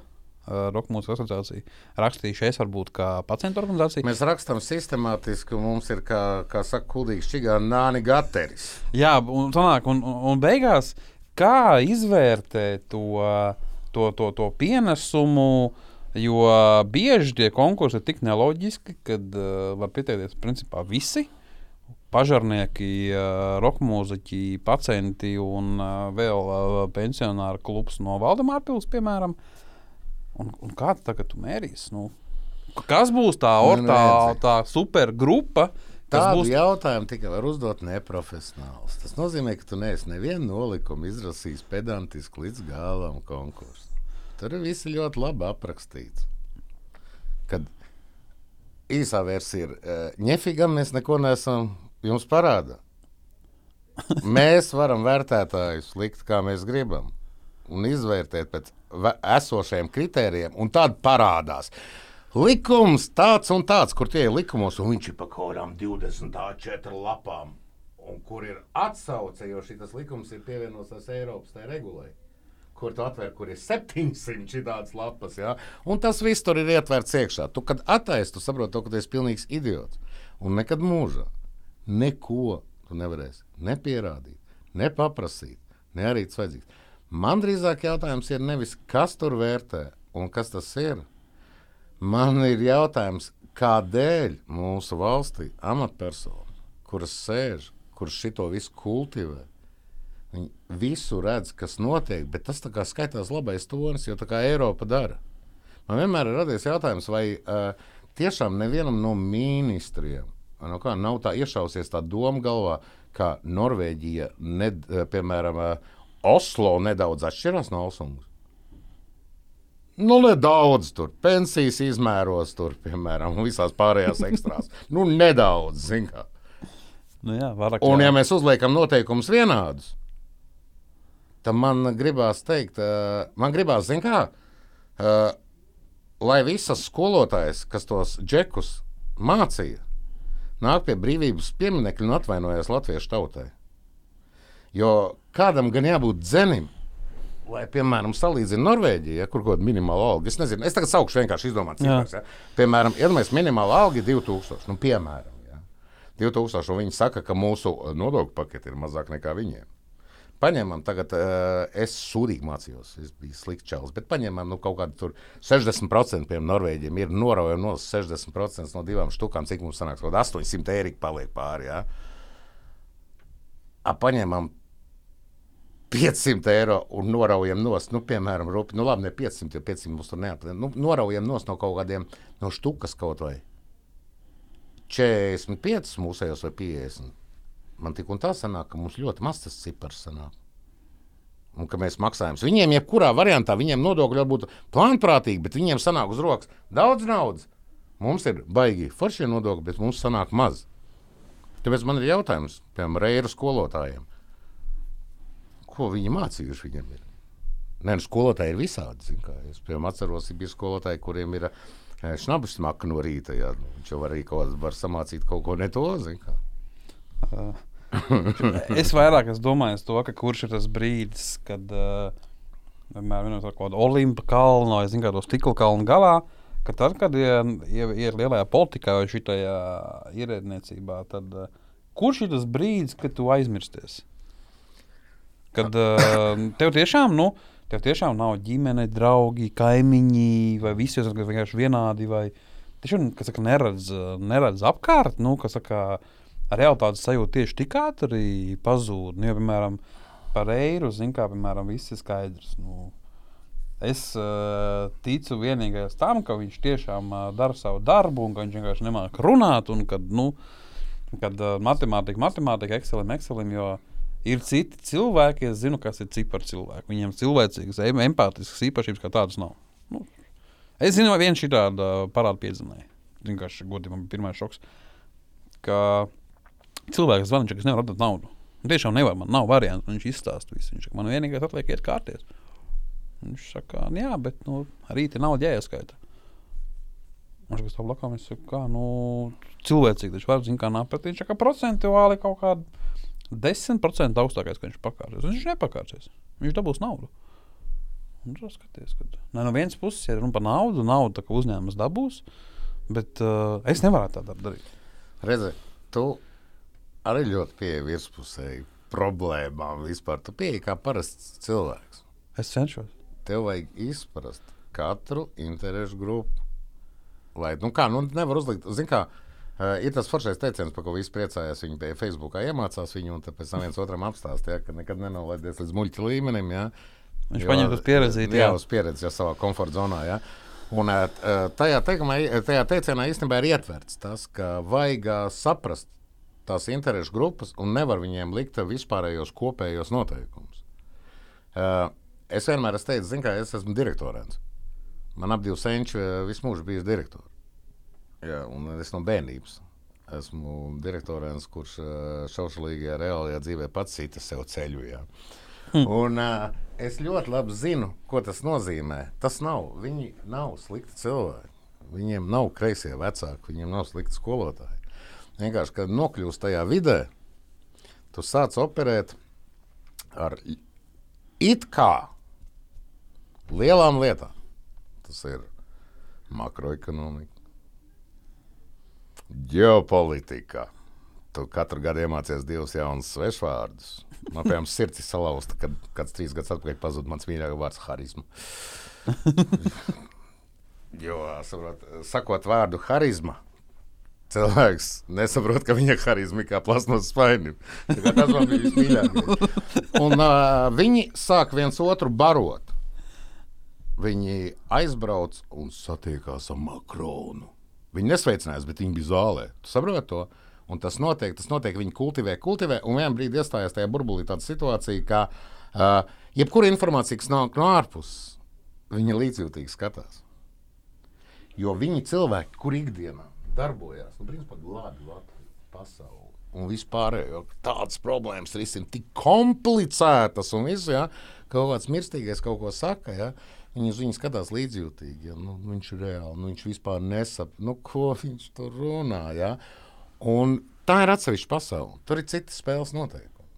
Saprot, nu, tāpēc vienīgais, ko mēs varam darīt, tas ir apelēt, ka kāds tur pamostās un pastāsta, ka tā cita pasaule ar citiem spēles noteikumiem. Ja? Vispār pat ar uh, psihoklimatu pilnīgi citu, jā, ka viņa ir uh, radīta kā public service, kas īstenībā ir jāapkalpo tos ļaudis, kas neko nejēdz. Ja? Un jāmēģina tas sasaist dabūt. Jo pagaidām mēs ļoti mēs attālinamies, un, un, un tas paliek par. Nu. Tu neesi pamanījis tādu paradoksu, kā piemēram mūsu tautsēmnieki, kuri Latvijā visiem ir, kā lai delikāti pasakā, vārdu apdirsušies. uh, kuri aizbrauc uz Eiropu un pēkšņi kļūst visi par komisāriem, ģenerālsekretāriem un principā Eiropas vadoņiem. Tu neesi pamanījis šo? Uh. Neviens no mūsējiem nav parasta amatā. Visi ir spicē. Un šeit visi ir izdarījuši varoņu darbus. Zina, ko atšķirās tur un te? Te bija praktiski jādara krīzes menedžments. Te bija jāpašancē, lai atrisinātu praktiskas lietas. Un ar to mums ir problēmas. Bet glābt visas pasaules, uh, pasaules energo krīzes situācijā vai pašreizējā situācijā, ģeopolitiskajā, kur ir karš un ūdens vēl Etiopijā pa vidu jāpiegādā, saprot, rakstot tabulas un gudri. Jā, izsakoties. Man šī tas uh, patīk, ka mēs vairāk reizes runājam par šo uh, ekoloģisko krīzi un piesārņojumu. Es katru reizi nesot mīskasti pie mājām, domāju, no vienas puses man ir vieta virtuvē pietiekama, lai man būtu šķirošana.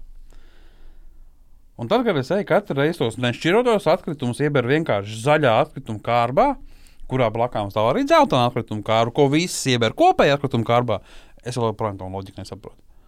Mums ir atkrituma šķirošana, mums taču nav tā mašīna, kurai kaut kāds nu, lielais šķirotājs, kaut kādam trīs nodalījumiem, tur kartonam, stiklam un pāriem atkritumiem. Nē, kā ir, atbrauc, sagrozīja vienā, izgā, izgājuši laukā, tas vēl lenti nāk un dara. Un es arī vakar šo pieķēru, un es domāju, nu labi, jā, un tie tāpat zina, ka vairāk pārāk daudz lietām cepies. Nu, kā, Šis man, ar, man nav skaidrs, kā tas mūsu šķirošana, varbūt Rīgas centrā, mikrorajonā kur. Mēs par to iepriekš runājām. Tā ir zaļās domāšanas, attīstīšana, nodrošināšanas ilgtspē, ilgtspējībā. Saproti? Tas ir kārtējs bullshits no vārdu rindas, kurai nav vajadzīgs rezultāts. Saproti? Ja būtu vajadzīgs rezultāts, tad tiktu izveidota sistēma kā piebraukt mazu mašīnu, paņemt zeltainās miskas. Jā. Visi cilvēki jau pierast 6 no rīta, tā rība, 7 tā rība, jā. zaļās tam līdzīgi aizbraucot uz izgāstojumu, mēs redzētu, kur ir tas, tas, tas, tas, tas kur aizvedot tev uz pašinstīvu. Tu vai dabūtu kaut kādu bonusu, vai sliktākā gadījumā te teiktu, ka, nu, tu vecīgi Helmut, esi čalis. Jā. Nevis tu pa sūdu klubkrēslu samaksāt 17 eiro jā. par to, ka tu drīkstēji pats no mājas nostiept, atvest, nosvērt ienest tur, kur tev var būt parādīja vecs, ja tu viņu satiki, un pēc tam braukt mājās. Ja. Nu, tas saprot, ka nav jau nevienam vajadzīgs. Vienkārši no Eiropas nāk milzīga nauda, kuru cilvēki ļoti rūpīgi apgūst. Nu. Un tagad ir tieši tā, kā tu saki. Nu. Mēs... Vesela, vesela, atkal vesela tauta, kā idioti, imitē, ka mēs šausmīgi šķirojam atkritumus, mēs glābjam uh, pasauli, kur viss jau ir kārtībā. Tur viss ir vienkārši jau. Sen jau visa pasaule, jau mēs pēdējie. Principā mūsu dēļ arī viss tie sūdi ir. Tā kā. Un... Jā, kad. Uh... Nu, viens puses, ka so, so, sociālais taisnīgums, vai kā viņi sauc, kad uh, šajā jautājumā, kad es zinu, ka tas nav populāri, kad es esmu arī runājis par to pašu, varbūt gaisa piesārņojumu, kad uh, Nu, ja, ja Ķīna nepārstās to darīt, ko viņi dara, un, un Amerikas visas rūpniecība, paņemsim tikai divas, kas saka, lielās valstis, piemēram, Polija, paņemsim kā trešo vai Eiropā, tad tu pareizi minēji, ka Latvijā, kurā ražotnē varbūt tuvu nulei, salīdzinoši par šiem apmēriem, nu, ja mēs vēl kaut kādu nodokli spiedīsim tos mūsu uh, ražotājus, uh, Nu, mēs varam, principā, viņus arī aizliegt, aizslēgt ciet, bet tas caurums ozonā ja tāds arī ir. Nepaliks. Jo galvenā problēma jau ir. Uh, gramatiski to pateikšu, foršāko vārdu. Galvenā problēma ir kamā. galvenā problēma ir tāda, uh, es nezinu, kādēļ sabiedrības grupas, dažas Latvijā, jā, bet galvenokārt es saku, mūsu principā valsts vadoņi, mūsu parlaments un vispārējie. Uh, kuri nevar vai negrib saprast to, ka, piemēram, es kā Latvijas pilsonis, es esmu ar mieru šķirot. Es to darīšu, kaut arī man nav vietas. Es atradīšu mehānismu tā, lai nesmirdu, vai es nesīšu tīsies dienā ārā. Tas ir mans stāsts. Es atradīšu veidu. Es varu zero veistu taisīt. Es esmu gatavs darīt lietas, kuras ir foršas un pareizas lietas. Bet es, es esmu gatavs uh, pīpēšanu, uh, vienalga kaut vai braukt uz getliņiem, pīpēt vienreiz dienā. Ja? Bet es esmu pret imitēšanu un cilvēku čakarēšanu. Saprotu, kur agresīvi e, grupas tev brūk virsū, tāpēc, ka redz, tu, ne, tu esi, tu, principā, nu, tu, tu, esi, tu jūties vainīgs un tā kā jau sākās diskriminācija. Zini, kā tu laikam negribi, lai mēs labi dzīvojam. Ja? Nu, Saprot, es pīpēju speciāli, lai visiem ierobežotu. Man mīļākais stāsts ir, kāds - jūlijas. Es čakenas dzīvoju. Jā. Matīs un Čakas krustojums, kurš vienlaicīgi apstājās. Nu, zaļš ir tā uz visām pusēm. Mhm, Mm -hmm, iet, mm -hmm. Es stāvu ar cigareti. Nu, Lāčuks tagad ir nobankrotējis, bet lielais bērnu veikals aizmugurē. Jā. es pirms tam ejot, ir mēs 50 gadīgs vecs, es esmu nopircis par 4 eirikiem. Pie tam sūdīgs cigaretes. Ja? Četriem eirikiem pie mūsu visām šīm lietām. Tagad atkal tur tas cels cenas. Ja? Es jūtos kā noziedznieks. Es ejot klāt, domāju, tur tie metri man tā kā atbilst, jo bērnu veikals, nu, dievs nedod. Ja? Uh, pie krustojuma nepīpējas vienmēr stāv gabalu nost. Jo tur droši nedod Dievs kaut kādas mātes, un viss tās ir. Viss tur, kad nu, es esmu noziedznieks, man jāzina savu vietu. Ja? Un uh, viss tie autiņi stāv jūlijā, plus kaut kādi 28 grādi, un visiem ieslēgts aizdedzis. Ja, nu, mēs tas viss tās ielas piedzītas, visas četras. Ja? Un tur ir citreiz tā, ka no rīta, ja tu neapdomīgi ieraugi gaisu, nu, var sākt klepot. Ja? Un saprot, ka kas no, jānotiek ir valstī kādā līmenī, lai uh, vīrieši, kas īstenībā jebkuras valsts, pat totalitārās vecuma grupu, principā no 25 līdz uh, 55 neaiztiek. Nu kā, nu tie ir visi elektriķi celtnieki, vispār jau, ko īstenībā tā valsts turās. Ja? Mūsē tikai gluši. Ja? Lai uztaisītu pieaugušu vīrieti pa pērtiķi. Ot, tas ir visdrausmīgākais. Ja? Mums šitie, eh, viņi visi cīnās par kaut kādām šādām būšitu. Ja? Bet Rīgā es atkārtoju, es esmu simts intervijās, nu, kādā simts pārspīlē. Nu, katrā intervijā mēģina to pateikt. Eh, Kurā gadā to atceries, bija nacionāli pie varas? Kāds 2006, 7, 8 Rīgā? Es tādu nāc- saku. Uh, bet tajā laikā man bija kaut kāda veikaliņa, un vēl kaut kas. Ja? Uh, bija tāds, viņi izdeva rīkojumu vai likums, vai kur Rīgā bija. Katram uzņēmējam bija pie sava veikala noteikti paraugu, paraugu miseni jāuzliek. Saprotu, ka Rīgas centrā nav miseņu vispār. Tas ir tās vaiprāts. dažas, kas ir palikušas, tas ir nacionāli, cik 15 gadus atpakaļ, ko uzņēmēji tika pēc tā rīkojuma izlikts misenes. Ja? Saprotiet, ka veči kā pēdējie suņi nesā benīšus kabatā kaut kāds 3 km. Viņiem jānoklausās visas tās lekcijas par to, kā mēs tagad šķirosim un viss tam līdzīgi. Ja? Mēs laikam ejam Eiropā, mēs gribam tā kā Barcelonā, ja, kur ir uh, visa vecā Barcelona smirda pēc mīzeliem, un, un, un, un kur četros no rīta ir šī tāda šejienai mēsla visā pilsētā. Protams, ka viņi divu stundu laikā tur savāc, jo tur vesela armija ir uztaisīta, ja, kas to dara. Bet, Mums cilvēki ir nu, izmest miskas, nu, tos benčiks vai papīrs vai salvetu, kur izšņauts degunu. Nekas nenotiek. Es saku, tāda imitēšana, vienkārši drausmīga imitēšana. Šī ļoti, ļoti labi pieskāries, jo, jo, jo es liekas, ka Valdemāra par 18 gadus mācījās, smies tur arī nav miskases, bet uh, kaut kur jau tomēr ir, varbūt ne pie mājas, bet tās mazās, bet Rīgā, jā, kad Rīgas centrā nav, nav miskases, tas ir labs jautājums. Jo ne tikai, ne tikai par pīpēšanu, tu pareizi, piemēram, teici, nu, Bet jo ir ļoti, pīpēšana- ir ļoti populāri suņi Rīgas centrā. Kad tos suņu sūdus uh, kas saka, samet tajos foršajos pārkāpuma izkastēs, kuros blakām ir soliņi. Riktīgi, riktīgi forši tur vasarā. Es eju vēl jau vairāk, plus 28 grādos sestdienā, kad uh, nestrādā. Kā, Un šie zaļie cīnītāji, zin, kā, uh, saka to, ka pie filtra nesadalās, ja, un ka mēs izdarām drausmīgu postu vispār pasaulē. Piemēram, tāda sīkuma, kā izliktās miskas centrā. Ja. Viņas 90% no tām misēm, tā kā viņas pie tam ir tās divdaļīgās, apakšā pie salvetes un visu, un augšā ir tās cigaretes, ja, nodeguļi. Kā viņus jau utilizēs pareizi? Tur būs vispār, mēs ar to triku saudzēsim uh, pasauli. Un, ja mēs runājam, atgriežamies pie pīpēšanas, es neaizstāvu pīpēšanu. Protams, ka tas ir kaitīgi vai viss. Ja? Bet visi šie cīnītāji, kaut kā mums ir pazudis tāds sīkums, ka lojālajā un liberālajā pasaulē mēs sākam vienkārši plānprātīgi diskriminēt vienu grupu cilvēku. Un diskriminēt, zin kā? Ka pieauguši cilvēki maksājot likumā paredzētā kārtībā dārgu naudu pērk legālas. Cigaretes, ko ir apstiprinājis mūsu valsts ar visiem briesmīgiem uzrakstiem, ar visu pārējo, ja? dara to vietās, ko drīkst to darīt. Ja? Un viņi tiek uztaisīti par, uh, par es nezinu, krieviski izgoju, kā latviešu ir. Izraidītie. Izraidītajiem, jā. O, Šis ir. Uh...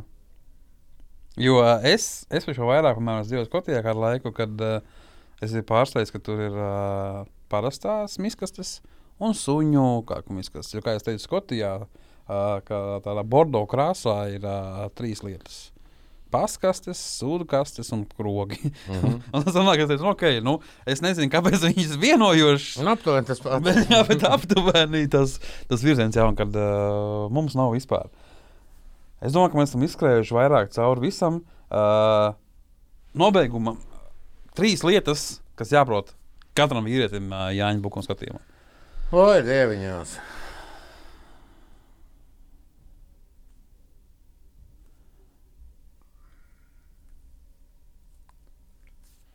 Es nevaru pateikt. Es neesmu, es neesmu godīgs, nevaru atbildēt. Es nevaru atbildēt. Nu, viena lieta, kas, piemēram, ir jāprot. Jo es, kā saku, varu ievadīt to, kad, uh, kad šito jautājumu sanāk, ka domāju, ka visiem izdevumu ir tā, ka uh, nereti nu, ir tas uzskats, ka nu, masķeris ir rūka un latvieši nu, kā zelta rokas. Un, un, un, un tad ir tā, ka neatkarīgi vai saplīst fēns mājās, izdeg lampiņas, saplīst, saplīst jaucē krāns, uh, atnāk vaļā lamināts. Nu, tās citas lietas. Vīrietim jāprot viss. Un tad uh, vietam varianti, piemēram, nu, var, vienīgais variants varbūt ir saukt meistaru, jo, jo ja sieviete to darīs, pietiks ar superlīmu salīmēt. Nu, tas ir ātrs risinājums. Tur laminēta, superlīna pielīmēs, tur, tur, tur lampiņa, no nu, viena nedega, nekas piecietīs. Bet uh, vīrieti nav īsti tāds variants pateikt. Mēs to tā kā, tā kā nemākam. Jo es arī stāstu to, ka, piemēram, tur, kur ir izlietnēs sifons, tas uzzināju 25 gados, jo līdz tam man, nu, tā kā vai nu, vai nu visu laiku beidzās, nu nebija tā kā vajadzība. Un tad, jā, kad, uh, nu, jo es pats godīgi, es neesmu tehniskais čalis. Lampiņas māku nomainīt, jā, mašīna arī es māku viņu piedarbināt, neļi izmērīt, tas ir vienīgais, ko es viņu māku. Bet, tā kā, kas būtu tev, kā liekas, nu, tas, tas ir jāmāk. Hmm. Ēst gatavot. Šis ir grūtākais jautājums. Zin, kā, nu, nu, es, tas, es vairāk ņemu to kompleksu. Jā. Labi, sanāk, elementāri. Uh, tu māki gatavoties. Jā. Bet tikai uz uguns pareizi. Jā, nē, nu, gāzes plītī vai uguni. Nu, es tā esmu arī uz elektriskās, bet tur neko nevar saprast. Tur, Jā. viņam nav tas. Tur. Es godīgi lasīju šo interviju, jā, kad, uh, kad Jānis Bukums saka par sevi, kad uh, Jā, ka viņš kādreiz gatavoja ēst, un tad nomainīja plīti elektrisko, un tad uh, kundze to sāk darīt. Man elektrisko plīti vēl labāk stāsts. Es zinu, jaunajā gadā šausmīgi gribās nu, to, tās laimītas. Uz gāzes plīti ir uh, baigi forši nu, karoties. Viņš ir kārtībā. Uh, tajā gadā nodedzināju gāzes plīti, nu, tā elektriskajā plītī virsmu. Jo, nu, uzliekot to karotīti, viņš to laukumu īsti neredz. un viņš vienkārši sils, sils kamēr, kamēr kaut kas tur pārdeg nebija nelaimītas, un gads sākās ar lielu nelaimi, jo elektriskā virsmā tika nodedzināta laimes meklējumos. Nē, nu, tas elektriskās virsmas droši vien vairāk katru un manā gadījumā. Jā. Man nepatīk pārmaiņas. Nu. Nu, īstenībā daudz vīriešiem zina, ka nepatīk pārmaiņas. Nu, tā visu laiku dara to tā, un pēkšņi viņš jādara pavisam savādāk. Ja, tad vīrietis kādu laiku mēģina ignorēt. To. Jo vēl viena piezīme klausītājiem, skatītājiem, kas nezina. Uh, Es Jānim uh, rakstīju Facebook, ka mums jātiekās, jāparunā. Un tad es viņam saku, es tev aizsūtīšu WhatsApp, un viņš man paziņo, man nav WhatsApp. Un man liekas, vo, rītīgs vecs, jo nu, ir takš, ir takš jārunā, un, un šurp nākot liftā viņš man pasaka, nē, nu, man nepatīk WhatsApp, viņš saka, man nepatīk pārmaiņas. Nē, bet tā doma par WhatsApp atgriežoties arī. WhatsAppam jau galvenais ir tas, ka mēs dzīvojam brīvā pasaulē. Bet mums ir lietas, kurām jābūt. Ja. Kā tev nav WhatsApp? Ja, nu, mm, halo, 21. gadsimts, gribu ir WhatsApp, gribu nav. Jā, sanāk, dotajā brīdī 72 stundu summa katram jāsaliek. Ja? Jo cilvēki uzskata, ka arī piedod, ka pārtrauc, Jā, ka, ka telefons iezvanās, ka viņš ir jāceļ. Nu, saprotu, ka cilvēki jau sāk pazust lēnā garā. Nē, nav jābūt WhatsAppam cilvēkiem obligāti. Nav obligāti jāceļ telefons, ja tu negribi. Un tā tālāk, un tā tālāk. Tā kā, nu, tu pats esi savs, tu veido savu dzīvi, tu veido savu komfortu un to mieru sajūtu. Atgriezīšos pie tā, kā jābūt vecim, vecim jāmāk savai meitai sapīt biznesu. Tas nav viegli. Tas ir uh, viena ļoti svarīga lieta. Es tev vienu know-how pēc tam izstāstīšu. Un, un, un vecim kaut kādās situācijās jāmēģina būt vecim. Nu, tas ir jāmāk vai jāmācās. Kā kurā gadījumā. Es jau otro reizi citēšu Valdu Melderu, bet neprecīzi, kad, eh, nu, kad es uzskatu, ka, nu, zinu, ka kādu tur ir veči, un tu neredz, piemēram, piemin latviešu strēlniekus. Un tad Valdis Mēlders teica, viņš saka, bet tu paskaties uz to lat- latviešu strēlnieku puķi priekšā, puķi pakaļ. Kādas vēstules viņi rakstīja savām dāmām, kad var tomēr sadalīt to, to, to, to vecišķo to tēlu ar to, to, to maigo, kas ir vajadzīgs mājās. To, Protams, bet viņi jau bija forši puikas. Mēs jau tagad mums ir izrauga. Mēs zinām arī tas tā izrauts no konteksta. Ja? Mēs zinām tikai to posmu, ka bija grūti un ka viņi gāja cauri LE, ja, saņēmuši visus savus spēkus. Bet visā visumā tie jau bija daudz un dažādi eh, profesiju pārstāvi, dažādi vecumi, ja, no dažādiem sociālajiem slāņiem. Nu, dzīvi cilvēki. Es saku, tā tas komplekss ir ļoti plašs. Es vienkārši drīzāk, es nevis kas katram vīrietim jāmāk, bet es uh, novēlētu, ka vīriešiem palikt vīriešiem, sievietēm palikt sieviešiem. Sievietēm, jo neba mēs to izdomājam.